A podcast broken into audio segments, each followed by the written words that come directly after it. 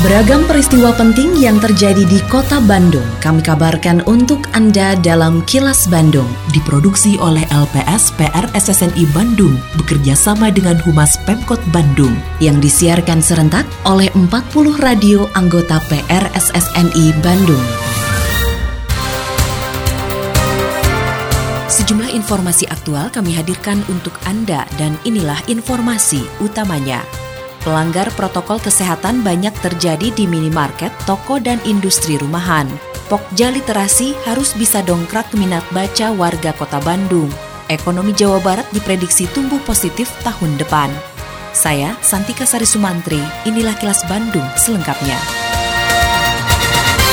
Dinas Perdagangan dan Perindustrian atau Disdagin Kota Bandung telah menerjunkan 12 tim untuk mengecek penerapan protokol kesehatan kepada pelaku usaha. Hasilnya pelanggaran protokol kesehatan masih banyak terjadi di toko mandiri, minimarket, dan industri rumahan. Pelanggaran yang ditemukan berupa tidak memakai masker, tidak menjaga jarak, juga melebihi jam operasional. Kepala Disdagin Kota Bandung, Eli Waslia, mengatakan hasil pemantauan sudah dilaporkan kepada Ketua dan Ketua Harian Gugus Tugas Penanganan COVID-19 Kota Bandung. Selain itu menurut Eli, para pengelola mal dan pusat belanja menyatakan siap melaksanakan aturan dari pemerintah kota Bandung termasuk mengenai jam operasional dan pembatasan kapasitas pengunjung. Hal ini menyusul diberlakukannya pembatasan sosial berskala besar atau PSBB proporsional setelah masuknya kota Bandung dalam zona merah sehingga sejumlah sektor yang direlaksasi kembali diperketat. Kita akan sudah disampaikan, diinformasikan bahwa ada pengurangan pengunjung 30% dan juga operasional dari jam 10 sampai jam 9 mundur satu jam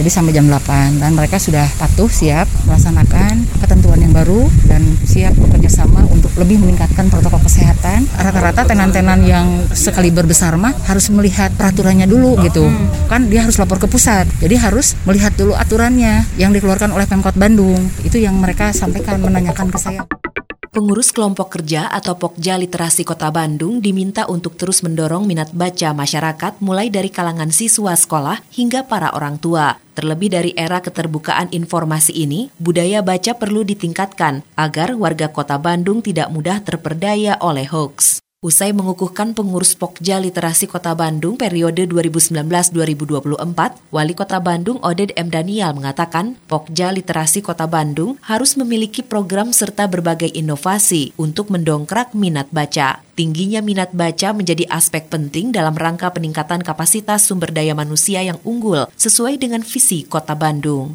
Oded berharap minat baca terus meningkat, apalagi pemerintah kota Bandung sudah memfasilitasi perpustakaan di area kantor Dinas Perpustakaan dan Arsip Kota Bandung. Mari berharap bahwa budaya baca di kota Bandung, baik itu anak-anak, anak didik kita, termasuk orang tua juga, saya kira orang dewasa, bisa meningkat. Rehabilitasi bersumber daya masyarakat atau RBM Kota Bandung mengutamakan rehabilitasi terhadap penyandang disabilitas anak-anak, antara lain yang dilakukan melalui program Rumah Cinta Inklusi. Ketua RBM Kota Bandung, Siti Muntamah atau Umi Oded mengatakan, kalangan penyandang disabilitas anak-anak menjadi prioritas karena mereka dinilai masih memiliki masa depan yang panjang. Menurut Umi, Rumah Cinta Inklusi merupakan komitmen pemerintah Kota Bandung dalam menghadirkan perlindungan dan layanan kepada para penyandang disabilitas. Dalam pelaksanaannya, RBM berkolaborasi dengan dokter RSHS, juga Asosiasi Terapis Indonesia, termasuk psikolog dan puspaga.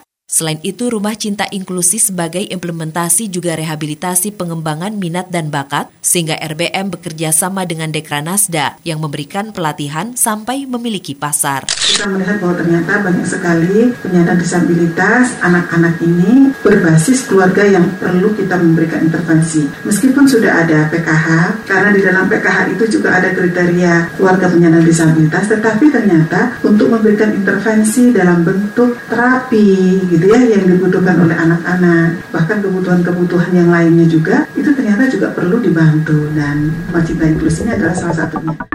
Komisi Penyiaran Indonesia Daerah atau KPID Jawa Barat periode 2020-2023 diharapkan bisa memajukan media penyiaran di Jawa Barat dan menjawab berbagai tantangan dengan masuknya era digital. Kepala Dinas Komunikasi dan Informatika atau Diskominfo Jawa Barat, Setiaji mengatakan KPID Jabar juga harus mampu mengedukasi para pelaku penyiaran sehingga dapat mengedepankan media penyiaran di Jawa Barat yang informatif dan inspiratif. Menurut Setiaji, di masa pilkada serentak pada 9 Desember mendatang, KPID Jabar perlu berkolaborasi dengan Diskominfo Jabar untuk menyaring konten penyiaran dan menyebarkan berita positif termasuk mengedukasi masyarakat. Tentunya tantangannya akan sangat berat ke depan, di mana era digital ini akan semakin kuat, terus kemudian hoax, fake news dan lain sebagainya, khususnya di masa-masa pilkada, covid dan lain sebagainya. Nah, diharapkan tim bisa bahu-bahu bersama, kerjasama dengan Diskominfo, kolaborasi agar bisa menyaring konten-konten penyiaran dan kemudian juga bisa menyebarluaskan berita-berita positif ya, termasuk juga mengedukasi insan-insan penyiaran. Layanan internet atau mobile banking memberi kemudahan dalam melakukan transaksi keuangan, tapi kita juga perlu waspada agar terhindar dari penyalahgunaan dan menjadi target kejahatan transaksi keuangan. Berikut tips aman bertransaksi keuangan secara online. Jangan berikan PIN atau password kepada siapa pun, rutin mengganti PIN atau password agar terhindar dari peretasan. Gunakan jaringan internet yang aman dan pastikan logout setelah bertransaksi. Aktifkan dan selalu pantau notifikasi transaksi melalui SMS atau email. Jika ada yang mencurigakan, segera hubungi bank. Apabila ingin mengganti atau menjual ponsel atau komputer, pastikan jejak keuangan di perangkat yang lama sudah terhapus dengan benar. Pastikan mengunduh aplikasi atau mengakses internet banking pada situs bank yang resmi. Jika tiba-tiba tidak bisa menggunakan ponsel, segera laporkan ke penerbit kartu seluler untuk menghindari penggandaan SIM card. Tingkatkan kewaspadaan dalam mengelola nomor telepon seluler yang dipakai untuk menjaga kerahasiaan data pribadi. Pesan ini disampaikan oleh Otoritas Jasa Keuangan Kantor Regional 2 Jawa Barat.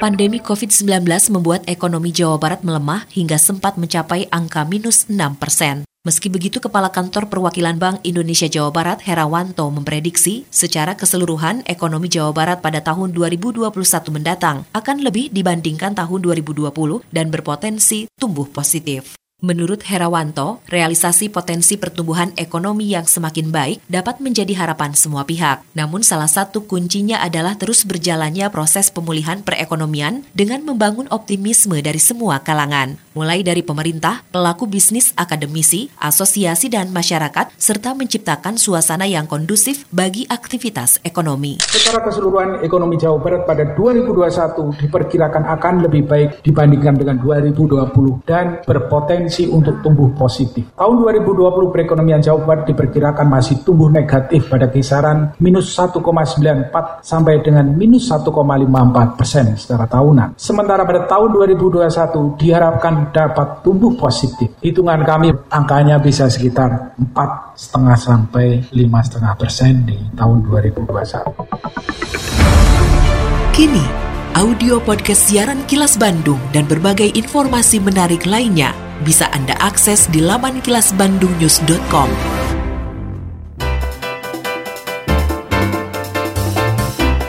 Berikut agenda kerja pejabat Pemkot Bandung Senin 7 Desember 2020. Sekretaris Daerah Emma Sumarna membuka acara Tim Pengendalian Inflasi Daerah atau TPID Kota Bandung di Bandung Common Center, Balai Kota Bandung. Selain agenda kerja pejabat Pemkot Bandung, informasi dari Humas Kota Bandung, yaitu Kota Bandung masih belum memungkinkan menerapkan kebijakan pembelajaran tatap muka. Apalagi saat ini level kewaspadaan COVID-19 di Kota Bandung memasuki zona merah atau resiko tinggi penyebaran COVID-19. Kepala Dinas Pendidikan Kota Bandung Hikmat Ginanjar mengatakan, arahan Kementerian Pendidikan dan Kebudayaan mengenai pembelajaran tatap muka tidak bersifat kewajiban tetapi memperbolehkan, namun harus dengan sejumlah catatan dalam rangka mengedepankan masalah kesehatan. Oleh karenanya kebijakan sekolah tatap muka juga disesuaikan dengan kondisi dan situasi di masing-masing daerah, sehingga Kota Bandung tidak ingin gegabah memulai sekolah tatap muka. Meski begitu, Hikmat menyatakan Dinas Pendidikan Kota Bandung sudah menyiapkan sejumlah langkah untuk mengantisipasi setiap kebijakan mengenai pelaksanaan belajar, termasuk berkoordinasi dengan Satgas COVID-19 dan para orang tua siswa. Demikian agenda kerja para pejabat Pemkot Bandung dan info aktual yang diterima redaksi LPSPR SSNI Bandung dari Humas Pemkot Bandung tetap patuhi protokol kesehatan di masa adaptasi kebiasaan baru untuk memutus penyebaran virus corona dengan selalu memakai masker, mencuci tangan dan menjaga jarak serta tidak berkerumun.